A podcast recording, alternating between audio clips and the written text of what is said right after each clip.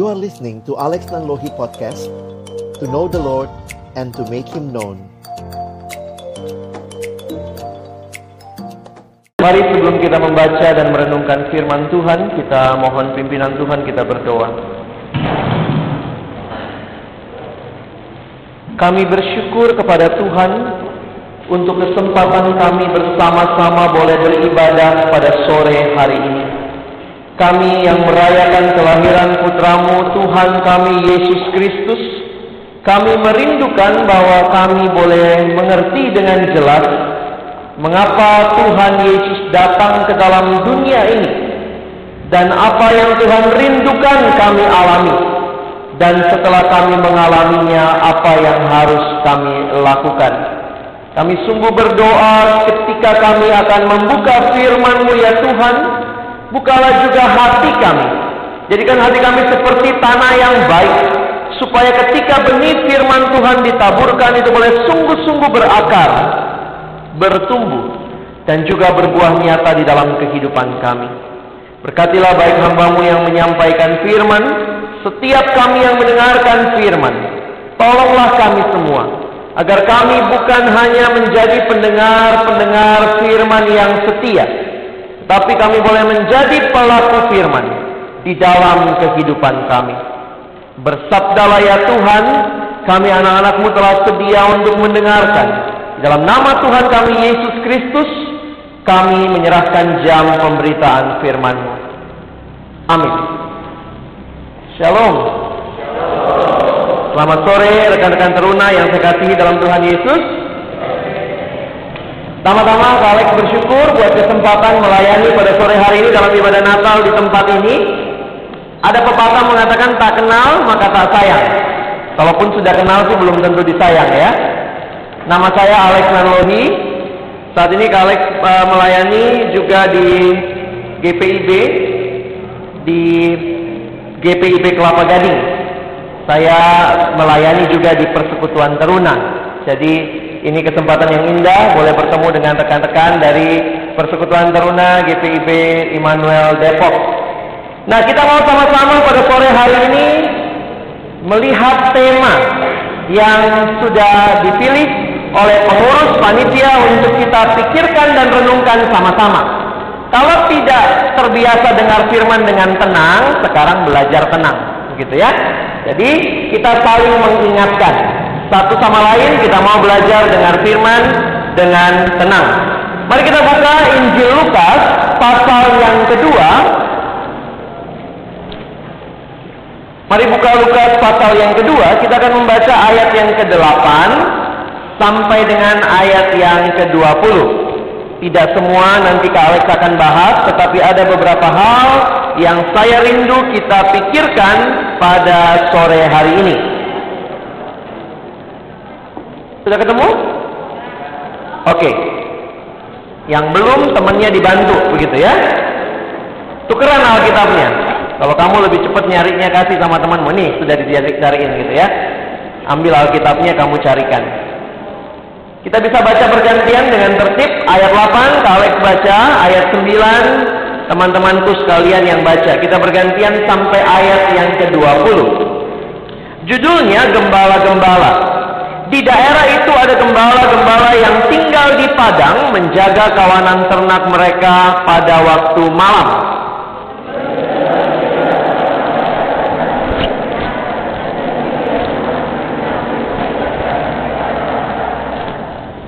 Lalu kata malaikat itu kepada mereka, "Jangan takut, sebab sesungguhnya aku memberitakan kepadamu kesukaan besar untuk seluruh bangsa."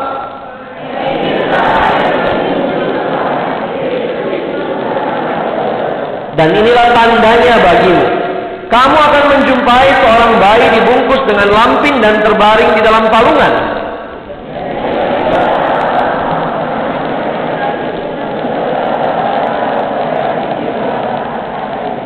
Kemuliaan bagi Allah di tempat yang maha tinggi dan damai sejahtera di bumi di antara manusia yang berkenan kepadanya.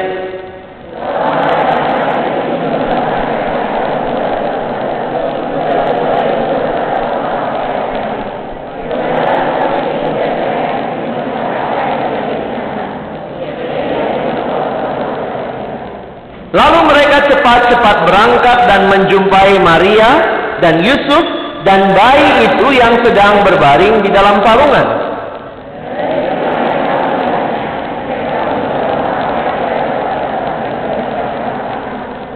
Dan semua orang yang mendengarkannya heran tentang apa yang dikatakan gembala-gembala itu kepada mereka.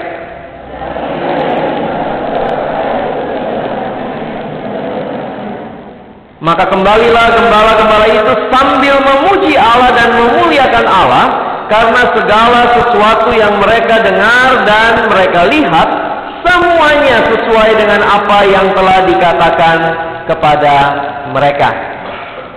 Nah mari kita lihat sama-sama satu ayat lagi. Kalau saja kita buka 2 Timotius pasalnya yang keempat. Mari lihat sebentar, kita baca satu ayat dulu di dalam 2 Timotius pasal yang keempat. Tahu ya 2 Timotius di mana? Kalau kalian buka kejadian jauh di belakangnya begitu ya. 2 Timotius 4 kita baca ayat yang kedua. Kita lihat sama-sama 2 Timotius 4 ayatnya yang kedua. Kita baca sama-sama satu, dua, iya. Beritakanlah firman, siap sedialah baik atau tidak baik waktunya, nyatakanlah apa yang salah, tegurlah dan nasihatilah dengan segala kesabaran dan pengajaran. Kita akan lihat sama-sama apa yang menjadi tema kita. Apa artinya the messenger? Pembawa pesan. Tadi MC kita sudah katakan kalau seorang menjadi pembawa pesan, pertama-tama dia harus tahu dulu apa pesannya. Baru bisa menyam, menyampaikan pesannya. Dan menarik sekali kalau kita kembali ke cerita Natal yang pertama kali. Coba kita lihat kembali ketika Natal pertama yang dituliskan di dalam Lukas pasal yang kedua. Kaleb ingin mengajak kita menyoroti apa yang menjadi berita dari para malaikat. Coba lihat ayat yang ke-10, Lukas pasal 2 kita akan fokus, lihat ayat itu. Lalu kata malaikat itu kepada mereka, jangan takut sebab sesungguhnya aku memberitakan kepadamu kesukaan besar untuk seluruh bangsa, ayat 11, hari ini telah lahir bagimu juru selamat, yaitu Kristus, Tuhan di kota Daud. Pernah tahu nggak good news? Pernah nonton good news? Good news. Pernah? Apa artinya good news? Kabar baik. Nah pertanyaannya kalau ada orang yang menceritakan kepadamu kabar baik, kira-kira apa yang akan dia katakan? Kenapa ada feedbacknya ini? Apa yang akan dia katakan kalau bicara kabar baik?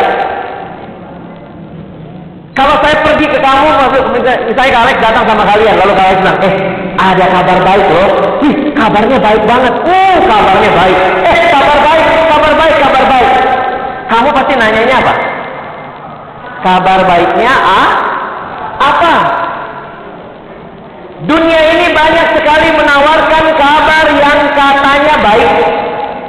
Ini bulan-bulan Desember kalau pergi ke mall-mall katanya banyak good news di sana sale 50% off.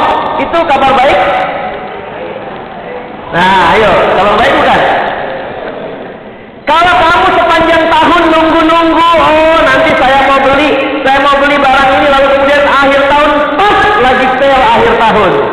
50% off, itu kabar baik apa bukan? Kabar baik. Tapi kalau ternyata kamu nggak punya duit, lu mau on ke, lu mau off ke, bodo amat. Dunia selalu mengatakan mereka menawarkan kabar baik.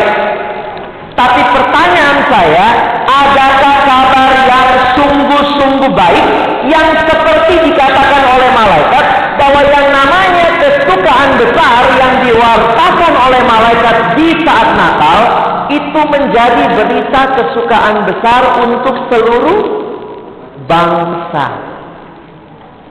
Kalek tadi kan saya tinggal di Jakarta. Anggaplah misalnya Kalek bawa berita. Di Jakarta ada berita bahwa semua sekolah di Jakarta libur dan kemudian waktu masuk semua nilai di ulangan umum yang jelek yang bagus pokoknya dipukul rata semuanya dikasih sembilan. Di rapor sembilan. Itu berita baik nggak? Baik untuk di Jakarta. Karena memang diberitakan di sana. Nah kalau berita itu ke Alex bawa ke Depok. Teman-teman ada berita bahwa di Jakarta semua ujian mereka sembilan, tapi kalian di sini tidak. Itu kabar baik? kabar buruk kali ya. Jadi pertanyaan saya, adakah kabar yang sebenarnya betul-betul baik yang dikatakan seluruh bangsa mengatakan itu memang berita baik? Amerika menang perang di Irak, itu berita baik atau berita buruk? Buat siapa?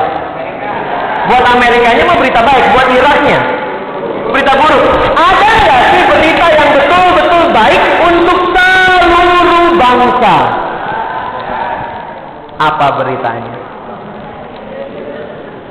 Nah, kita kan bingung, oh beritanya Yesus lahir. Sekarang kalian mau tanya, kenapa Yesus lahir menjadi berita baik buat seluruh bangsa?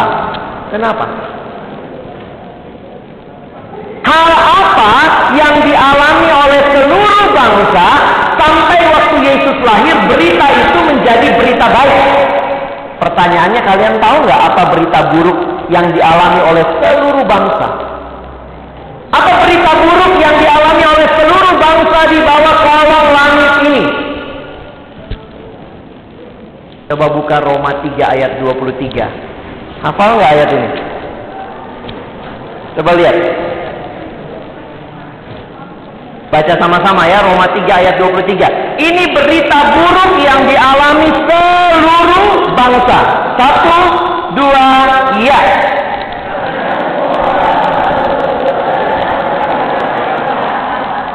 Apakah di situ ditulis hanya orang Indonesia yang berbuat dosa? Hanya orang Amerika? Semua orang berdosa. Jadi sebenarnya waktu kita merayakan Natal, kita sedang merayakan datangnya juru selamat atas dosa-dosa siapa? Dosa seluruh dunia. Kenapa Natal menjadi berita kesukaan besar buat seluruh bangsa? Karena seluruh bangsa ber berdosa. Jadi kalau teman-teman lihat baik-baik di dalam Alkitab ketika disampaikan bahwa Natal adalah berita kesukaan besar karena kenyataannya seluruh umat manusia tanpa kecuali adalah orang ber orang berdosa. Orang berdosa butuh apa? Butuh juru selamat. Jadi ini sebuah kenyataan yang penting untuk kita hayati sama-sama waktu Natal. Natal bicara bahwa Allah sangat mengasihi manusia berdosa sehingga dia mengutus anaknya. Sehingga waktu Yesus datang ke dalam dunia ini menjadi berita yang menjadi sukacita besar. Bukan hanya untuk kalangan tertentu. Seharusnya siapa sih yang merayakan Natal? Saya pikir bukan cuma kita orang Kristen ya. Yang ada di luar sana, kalau dia sadar dia manusia berdosa, maka semua manusia seharusnya merayakan Natal karena Natal menjadi tanda manusia bebas dari dosa. Yesus waktu datang ke dunia nggak pernah pakai tatan besar. Maaf untuk kalangan sendiri, nggak pernah ya. Itu datang buat siapa? Untuk semua. Nah, sehingga teman-temanku perhatikan ayat 11 tadi. Hari ini telah lahir bagimu juru selamat, yaitu Kristus Tuhan di kota Daud. Kalau berita ini tentang kelahiran seorang bayi yang begitu spesial, ini menarik kalau kita perhatikan ya. Setiap jam ada bayi lahir, benar nggak? Setiap jam ada bayi yang lahir. Kita kelar kebaktian udah tanya pergi ke rumah sakit, udah berapa bayi yang lahir? Tetapi kenapa bayi yang lahir kurang lebih 2000 tahun yang lalu itu sampai sekarang kita masih rayakan hari jadinya? Coba kalian tanya, ada nggak yang masih rayakan ulang tahun opanya di sini? Rata-rata mungkin kalau opa masih hidup masih ngerayain ya ulang tahun opa ya. Kalau opa punya opa, masih dirayakan nggak ulang tahunnya? Belum sampai 2000 tahun yang lalu kan opamu punya opa. Opa punya opa punya opa. Masih dirayakan nggak ulang tahunnya? Loh, kenapa Yesus yang sudah 2000 tahun yang lalu kita masih rayakan kelahirannya? What's so special about this baby? Begitu kali ya? Nah. Apa yang hebat dari seorang bayi yang bernama Yesus ini? Karena dialah juru selamat. Teman-teman mari sadari, Yesus datang ke dalam dunia untuk menyelamatkan manusia yang berdosa. Kadang nggak enak ya kok lagi Natal ngomongin dosa, tapi inilah Natal. Natal adalah perayaan manusia berdosa yang menikmati kabar baik dari Allah. Siapa yang pertama kali dipakai Allah menyampaikan kabar baik? Malaikat. Malaikat datang. Lalu malaikat ceritakan apa? Hari ini telah lahir juru selamat bagi kamu. Teman-teman, kalau engkau tidak pernah sadar dirimu berdosa, waktu Yesus datang mungkin engkau juga tidak akan merasa butuh dia. Kadang kita sadar, waktu kita menyadari, oh iya ya, waktu kita ngeh, iya ya, saya butuh juru selamat. Orang akan sadar ketika dia mungkin mengalami pergumulan di dalam keberdosaan. Oh Tuhan, saya butuh Engkau kehidupan saya.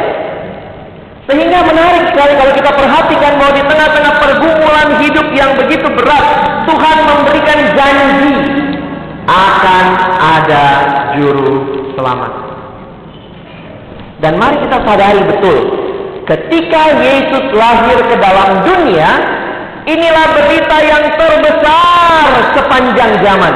Karena waktu dia datang ke dalam dunia, dia datang untuk menyelamatkan manusia yang berdosa. Dan berita itu yang harus teman-teman dan saya bawa sebagai messenger. Natal bukan soal meriahnya Natal. Natal bukan soal lilin. Natal bukan soal ada pohonnya. Natal bukan soal dekorasi ruangan. But Christmas is about Jesus. If there is no Jesus in your Christmas, then you are not celebrating any Christmas at all. Kalau saudara tidak ada Yesus dalam Natalmu, saudara tidak merayakan Natal sama sekali. Banyak sekarang orang merayakan Natal tapi tidak ada Yesus di dalam Natal. Waktu bikin kartu Natal juga agak lucu gitu ya. Merry Xmas. Siapa yang lahir? Mr. X. Udah gak tahu siapa yang lahir. Not really care about. Ada yang bilang itu kan bahasa Yunani, X itu Kristo. Oke okay lah. Tapi ada cerita. Alek baca satu buku beberapa tahun yang lalu dia cerita tentang dua orang wanita yang lagi menyelenggarakan pesta ulang tahun di sebuah restoran. Ada dua orang wanita, ibu-ibu lagi kumpul di sebuah restoran, lagi celebrate something, lalu di atas meja ada kue, ada lilin dua batang. Dan kemudian luar biasa lah, ibu-ibu kalau udah ketemu berdua, tahulah apa yang terjadi kan? Lalu ada temannya masuk ke restoran itu. Dan waktu temannya masuk ke restoran itu, mereka terkejut lihat kedua ibu itu. Wah, kayaknya sedang merayakan sesuatu ya. Temannya tanya sama dua ibu ini.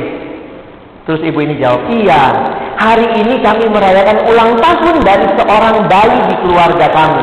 Hari ini bayi kami itu tepat berusia dua tahun. Makanya lihat, ini ada kuenya, ada dua lilinnya.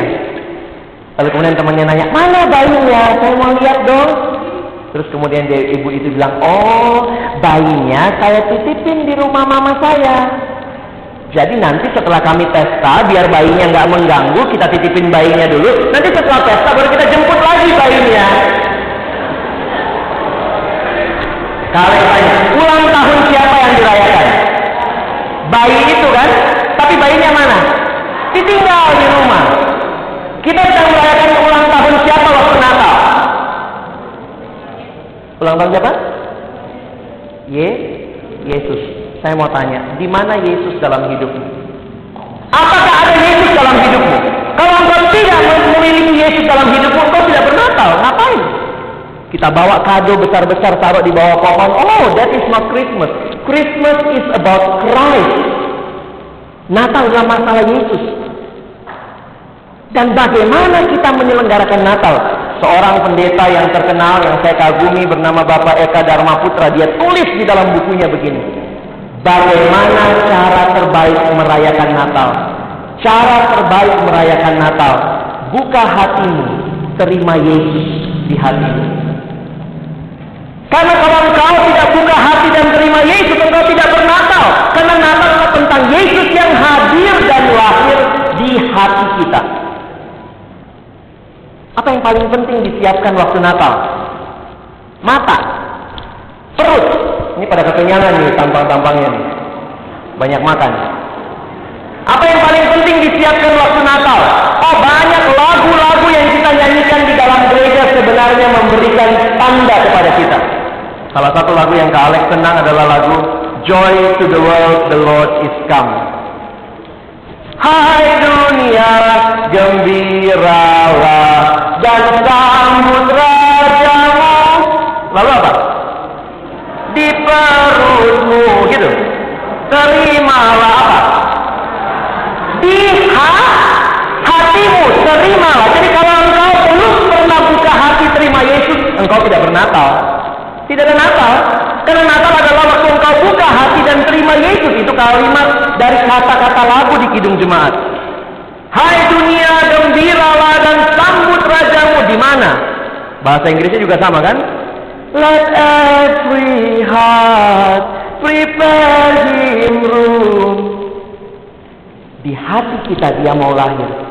Inilah berita sukacita besar sepanjang zaman. Dan berita itu harus kita alami terlebih dahulu. Baru bisa kita jadi the messenger. Bisa nggak kamu cerita tentang sesuatu yang kamu nggak kenal? Tolong dong ceritain tentang uh, gedung putih. Terus orang nanya, kamu pernah ke gedung putih? Nggak pernah. Loh, itu namanya kita cuman jual obat. Kalau nonton filmnya Dono suka begitu ya. Ini pak, penumbuh rambut, penumbuh rambut, rambutnya lebat. Begitu ada angin tentangnya botak. Kalau teman-teman mau alami tema ini, I am the messenger. Saya seorang pembawa pesan. Apa pesannya? Yesus lahir ke dalam dunia. Tapi jangan sampai Yesus tidak lahir di hatimu. Alami Tuhan dengan nyata, baru engkau bisa bagikan. Kita tidak pernah mungkin membagikan sesuatu yang kita tidak miliki. Benar nggak? Kalau kamu nggak punya, bisa nggak bagi? Ada anak sekolah minggu ditanya sama gurunya. Kalau kamu punya uang 10 juta, mau dikasih nggak untuk pelayanan? Ini anak sekolah minggu, umur-umur 5-6 tahun. Mau dikasih nggak buat pelayanan? Mau. Kenapa nggak punya? Coba kalau punya, belum tentu mau kan? Ayo, kalau nanti kamu punya rumah besar, nanti kalau kamu punya rumah besar, mau nggak melayani Tuhan? Mau, mau. Karena belum punya rumah sekarang gitu ya, numpang kan? Numpang sama mama mau tuh nggak disuruh bayar. Kita nggak, ini prinsip hidup. Kita nggak mungkin membagikan sesuatu yang kita nggak punya. Kamu nggak mungkin menceritakan sesuatu yang kamu tidak alami. Nah kalau kita tidak alami Natal, kita tidak alami Yesus yang menyelamatkan hidup kita, bagaimana kita mau cerita tentang dia? Sehingga kalau kita perhatikan, menarik sekali. Ketika gembala-gembala dengar berita itu, apa yang mereka lakukan? Mereka pergi, cari, ketemu Yesus, ketemu Maria, ketemu Yusuf, lalu mereka cerita, ih kami dengar begini ceritanya, dan mereka alami semua peristiwa itu, lalu kemudian dicatat di bagian akhir, mereka pulang dan memuliakan Tuhan. Nah sekarang Kak Alex ingin tanya, kalau Natal kita selenggarakan, kita mau cerita apa?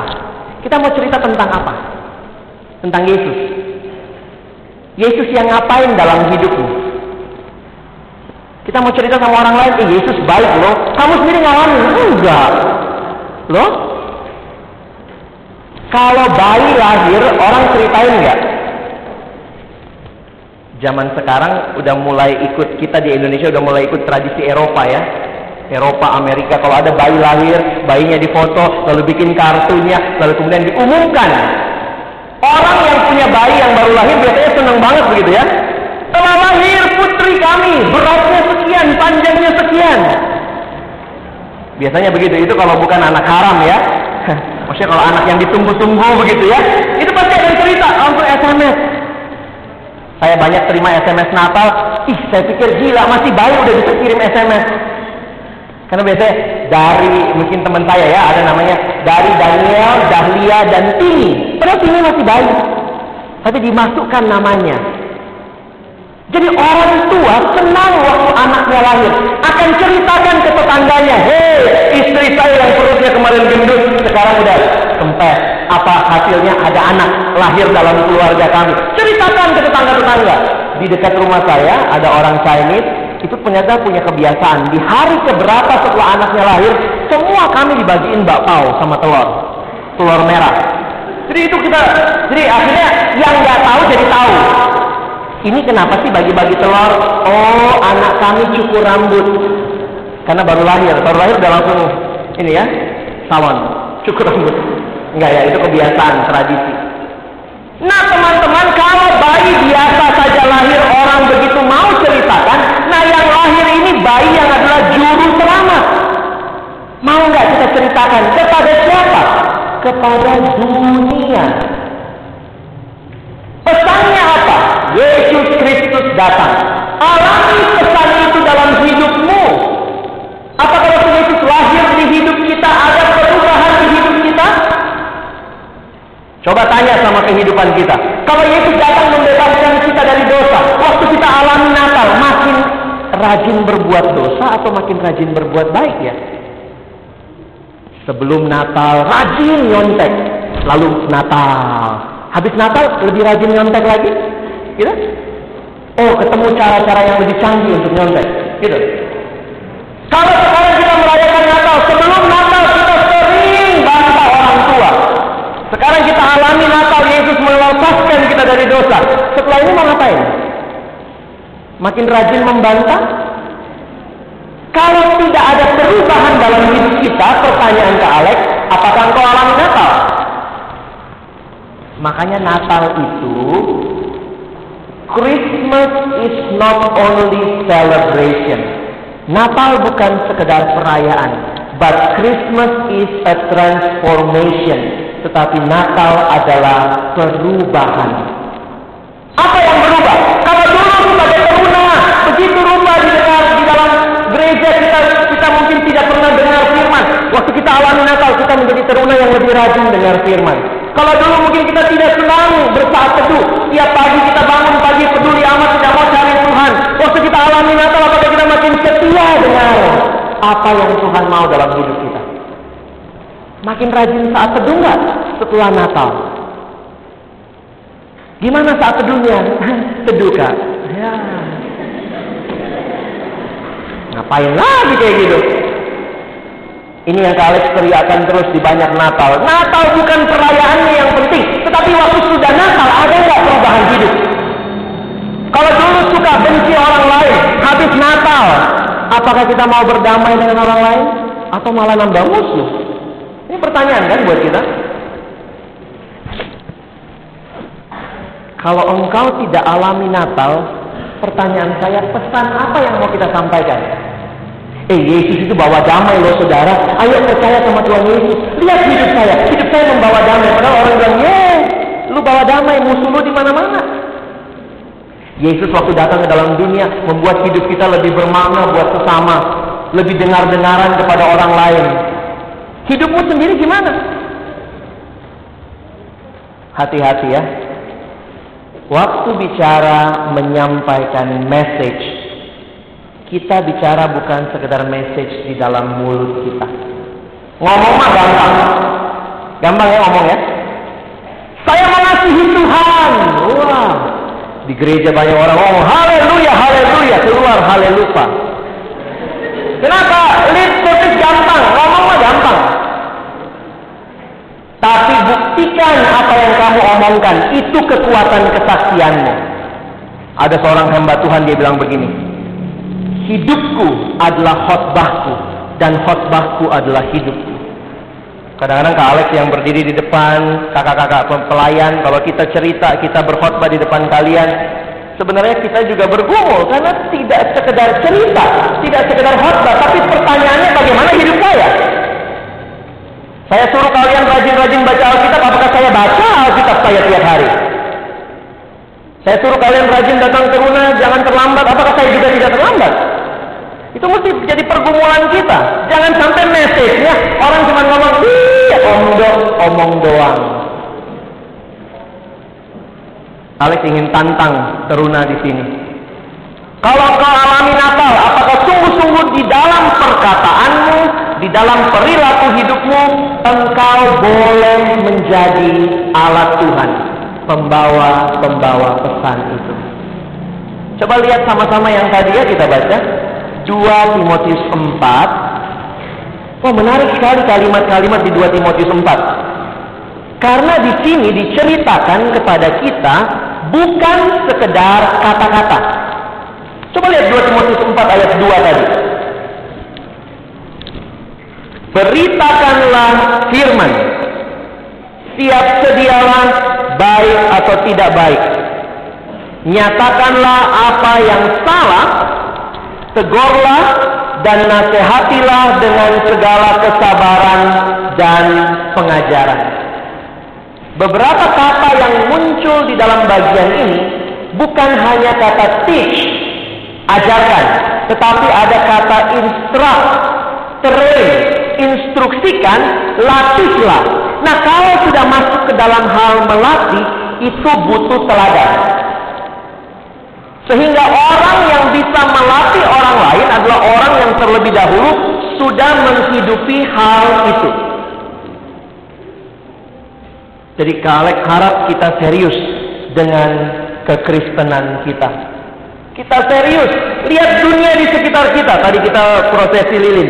Dunia gelap, dunia butuh terang. Tapi pertanyaannya, di manakah terang itu? Sudahkah menyala di hati kita?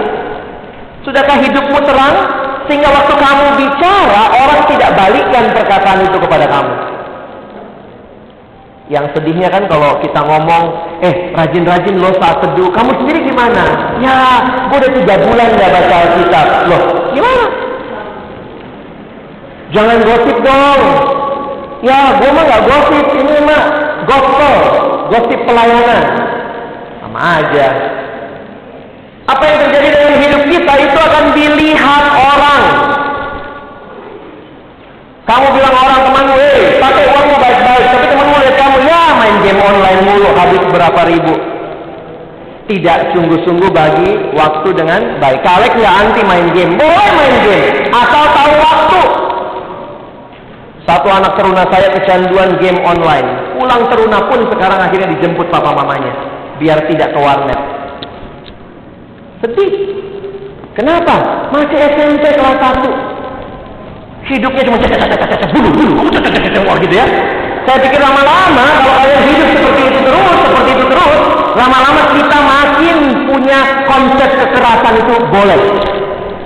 Pokoknya kalau orang nggak setuju seperti di game, kita matikan saja, pas mati. Saya mau tanya kepada kita, kalau kita sungguh-sungguh hidup mengalami Natal, kita sungguh-sungguh hidup mengalami Tuhan, apakah hidup kita akan berbicara kepada orang lain tentang Tuhan? Banyak anak-anak teruna kelihatan sih ke gereja, rajin bawa Alkitab, di gereja nyanyi karena banyak hafal lagu, tapi lagu cuma sekedar nyanyi. Cuma lip service. Di mulutnya mah gampang itu kayak bilang Di mulut mah gampang. Kalau hari Minggu kalau perlu kita sedikit lebih kudus. Hari Minggu kalau perlu pakai bulatan di atas kepala. Ini hari kudus ya. Pakai pakai sayap di belakang, tidak injek tanah. Itu hari Minggu. Hari lain gimana? Hari Minggu kudus banget. Hari lain kudis. Ya, ada kalimat dalam bahasa Inggris do not be just a Sunday Christian. Jangan cuma jadi orang Kristen hari Minggu but be a Christian every day. Waktu orang lihat hidupmu tanya pada dirimu kalau betul-betul pesan yang teman-teman bawa adalah pesan tentang Yesus waktu orang lihat hidupmu orang lihat Yesus apa enggak pernah nggak ada yang dipuji sama temennya atau ada temenmu yang nanya nggak? Ih, lu kok mirip banget sama Tuhan Yesus? Ada yang pernah gituin kamu nggak? Hah? Ada nggak? Enggak ya? Ya, belum nyampe dong. Padahal kan kita harus kita harus mencerminkan Yesus kan? Harusnya untuk orang lihat hidup kita orang makin bilang, ih, lu Tuhan Yesus ya? Oh enggak enggak, jangan tahu juga iya mau apa? Jangan, gitu ya. Sok banget ya, tolong. Ya? Bukan. Saya pengikutnya. Wah. Senang banget ya kalau kita dengar kayak gitu ya. Tapi kalau orang lihat hidupmu, apa yang orang katakan? Waktu orang lihat hidupmu, wih dasar lu anak setan. Nah, lu mirip siapa? Mirip setan. Tipis bedanya ya. Jadi kadang-kadang begini. Kalau kita mau jadi the messenger, mungkin yang paling penting bukan sekedar bicara berapa banyak yang kita tahu tentang firman. Tetapi lebih lagi berapa dari firman itu yang kita alami sehingga yang kita saksikan bukan jadi hal yang omong kosong. Berapa banyak remaja di gereja nyanyi, oh nyanyinya bisa. Kadang-kadang orang Kristen gitu ya, nyanyinya sampai meremelek ya. Ini kalau pencuri datang juga udah bisa lewat dia. Ku renungkan firmanmu siang dan malam. Padahal nggak pernah. Nyanyinya begitu. Aku mengasihi engkau Yesus dengan segenap hatiku. Sampai di refrennya. Ku renungkan firmanmu siang dan malam. Padahal nggak pernah. Nyanyinya bisa sungguh-sungguh tuh. Ku pegang perintahmu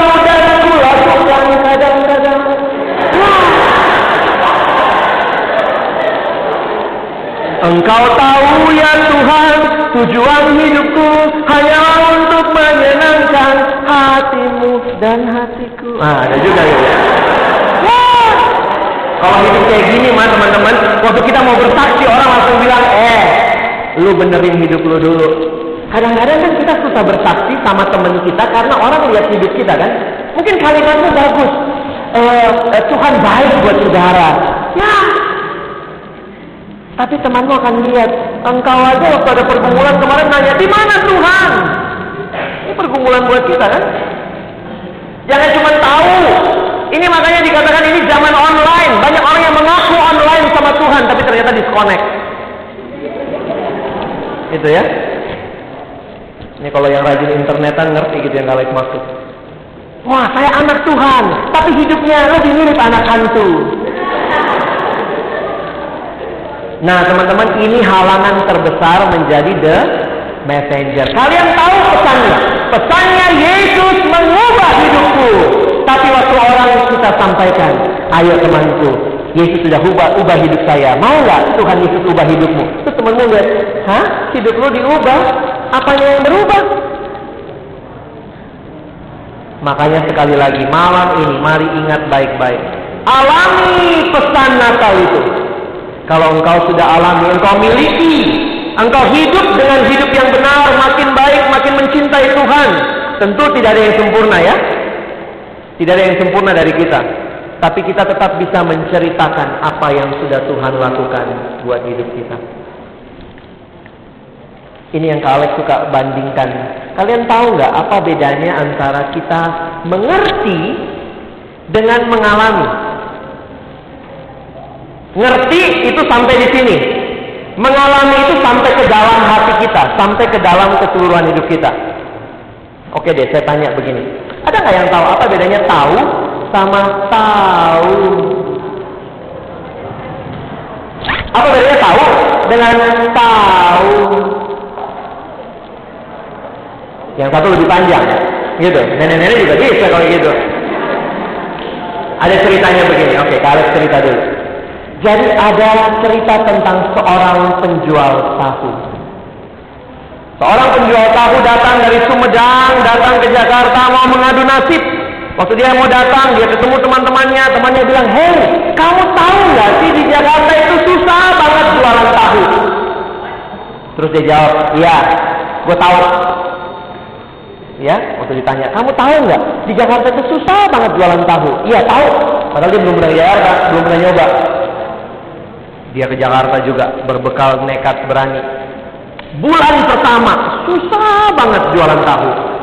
Coba di kompleks ini ternyata sudah ada asosiasi pedagang tahu di situ. Coba di kompleks lain udah ada juga. Susah. Akhirnya mulai bisa memasarkan tapi untungnya sedikit sekali. Bulan kedua mulai rugi. Aduh susah banget jualan tahu. Bulan ketiga udah nggak kuat, udah mesti utang. Pulang ke kampung. Tadinya ke Jakarta dengan membusungkan dada, leher, kepala tegak. Begitu pulang agak malu nunduk sedikit. Ketemu temennya yang tadi nanya. Hei temannya bilang, sekarang udah tahu nggak di Jakarta itu susah jualan tahu. Iya, sekarang sudah tahu. Apa bedanya tahu dengan tahu? Yang pertama, tidak ada pengalaman. Yang kedua sudah melewati proses menga mengalami. Teman-teman tahu Tuhan Yesus juru selamat? Nah, nangkep tuh, nangkep. Nah, itu yang kalian harap ya. Teman-teman tahu Tuhan Yesus baik?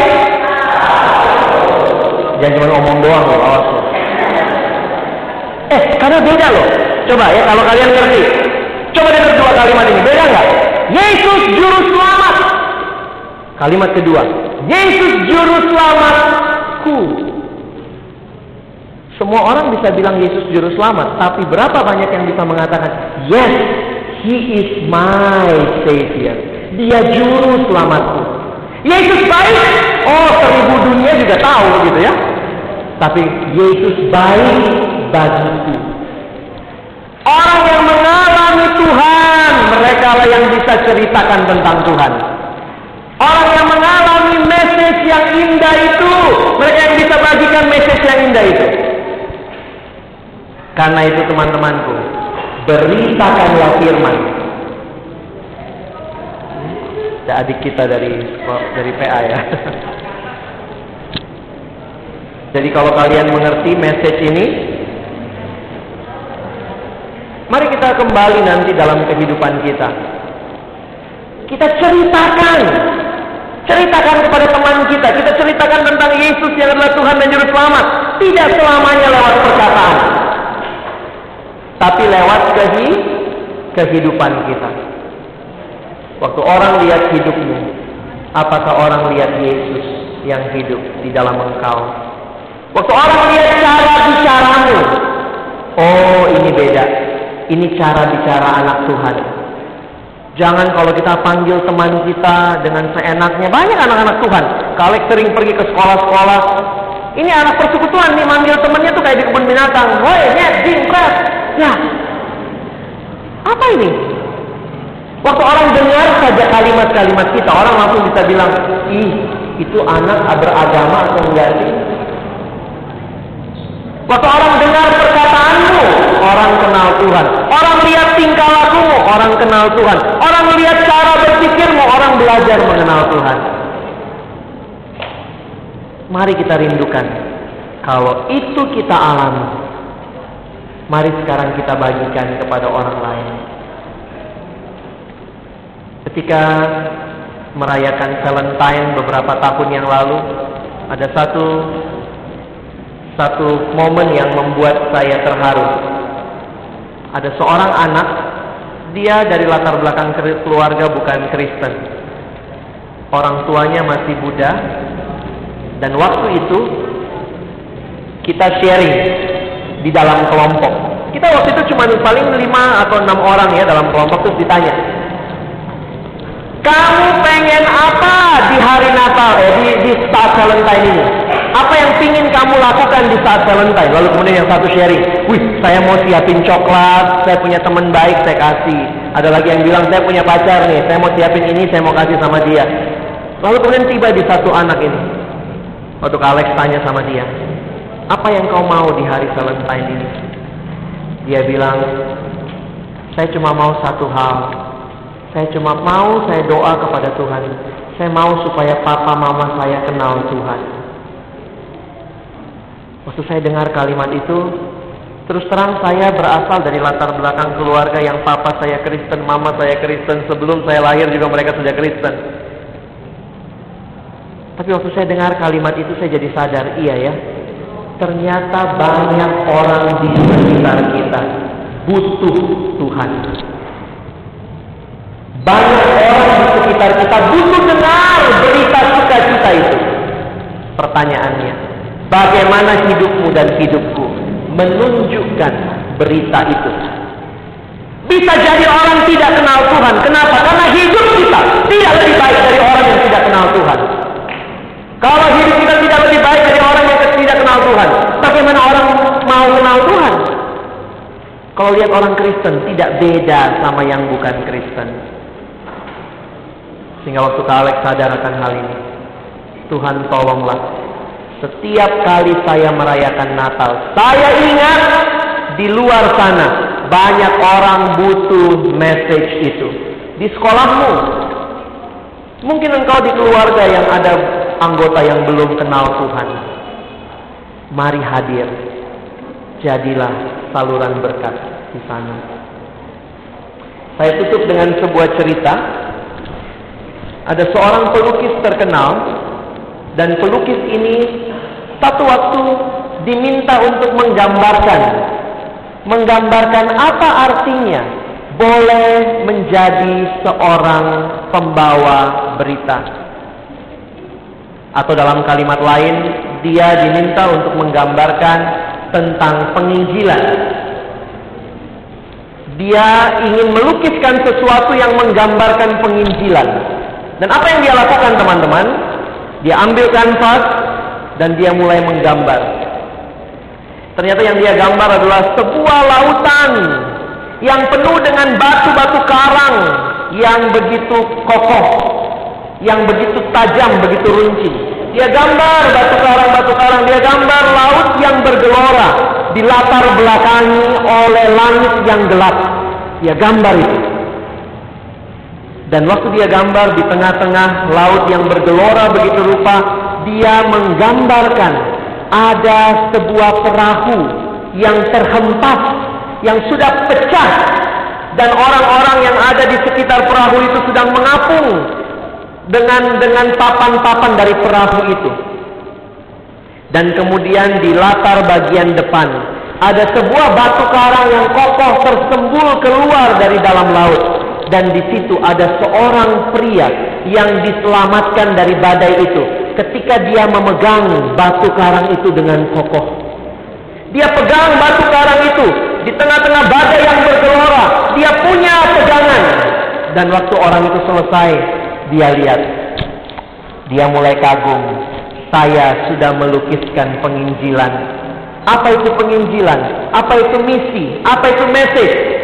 Saya punya pegangan di tengah-tengah dunia yang gelap, dunia yang sedang tenggelam. Saya punya pegangan. Tapi kemudian waktu dia lihat lebih lama lukisannya, dia mulai sadar. Saya belum melukiskan penginjilan sama sekali. Saya belum ceritakan penginjilan lewat tulisan, lewat lukisan saya. Dia ambil lagi kanvas yang baru. Dia mulai melukis. Apa yang dia lukis kali yang kedua ini?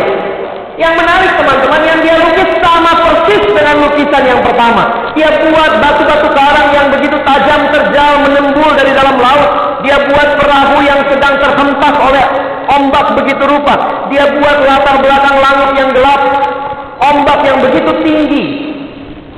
Persis gambarnya. Lalu dia menggambarkan ada orang-orang yang sedang meraih-raih minta keselamatan dan juga ada yang sedang mengapung kepada beberapa potongan kayu dari kapal itu. Satu-satunya yang beda adalah gambaran orang yang sedang berada di batu karang yang kokoh itu. Kali ini orang yang ada di batu karang yang kokoh itu tidak sedang memeluk batu karang itu kuat-kuat dengan tangannya kedua tangannya. Tetapi yang terjadi adalah orang itu sedang memeluk batu karang itu dengan satu tangan dan tangan yang lain sedang meraih temannya yang hampir tenggelam. Waktu dia melukiskan itu, dia lihat lukisan itu dan dia katakan, inilah penginjilan. The message. Saya alami Tuhan dalam hidup saya dan saya ulurkan tangan saya agar orang lain juga mengalami Tuhan. Kita tidak peluk batu karang itu dengan keegoisan kita, tapi dengan tangan yang terulur kita jadi berkat di mana saja Tuhan hadirkan kita. Ada orang-orang yang butuh message itu. Sebagai teruna Alex rindu, kita menjadi pembawa-pembawa pesan damai. Selamat Natal teman-temanku sekalian. Jadikan pesan itu milikmu dan bagikan kepada orang-orang yang engkau temui.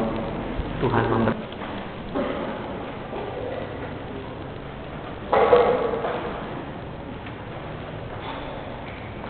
Ya Tuhan kami bersyukur karena berita kesukaan besar telah dinyatakan kepada dunia dan bukan hanya kepada dunia secara umum tetapi kepada kami setiap orang yang merayakan Natal yang menyambut Yesus di dalam hati kami.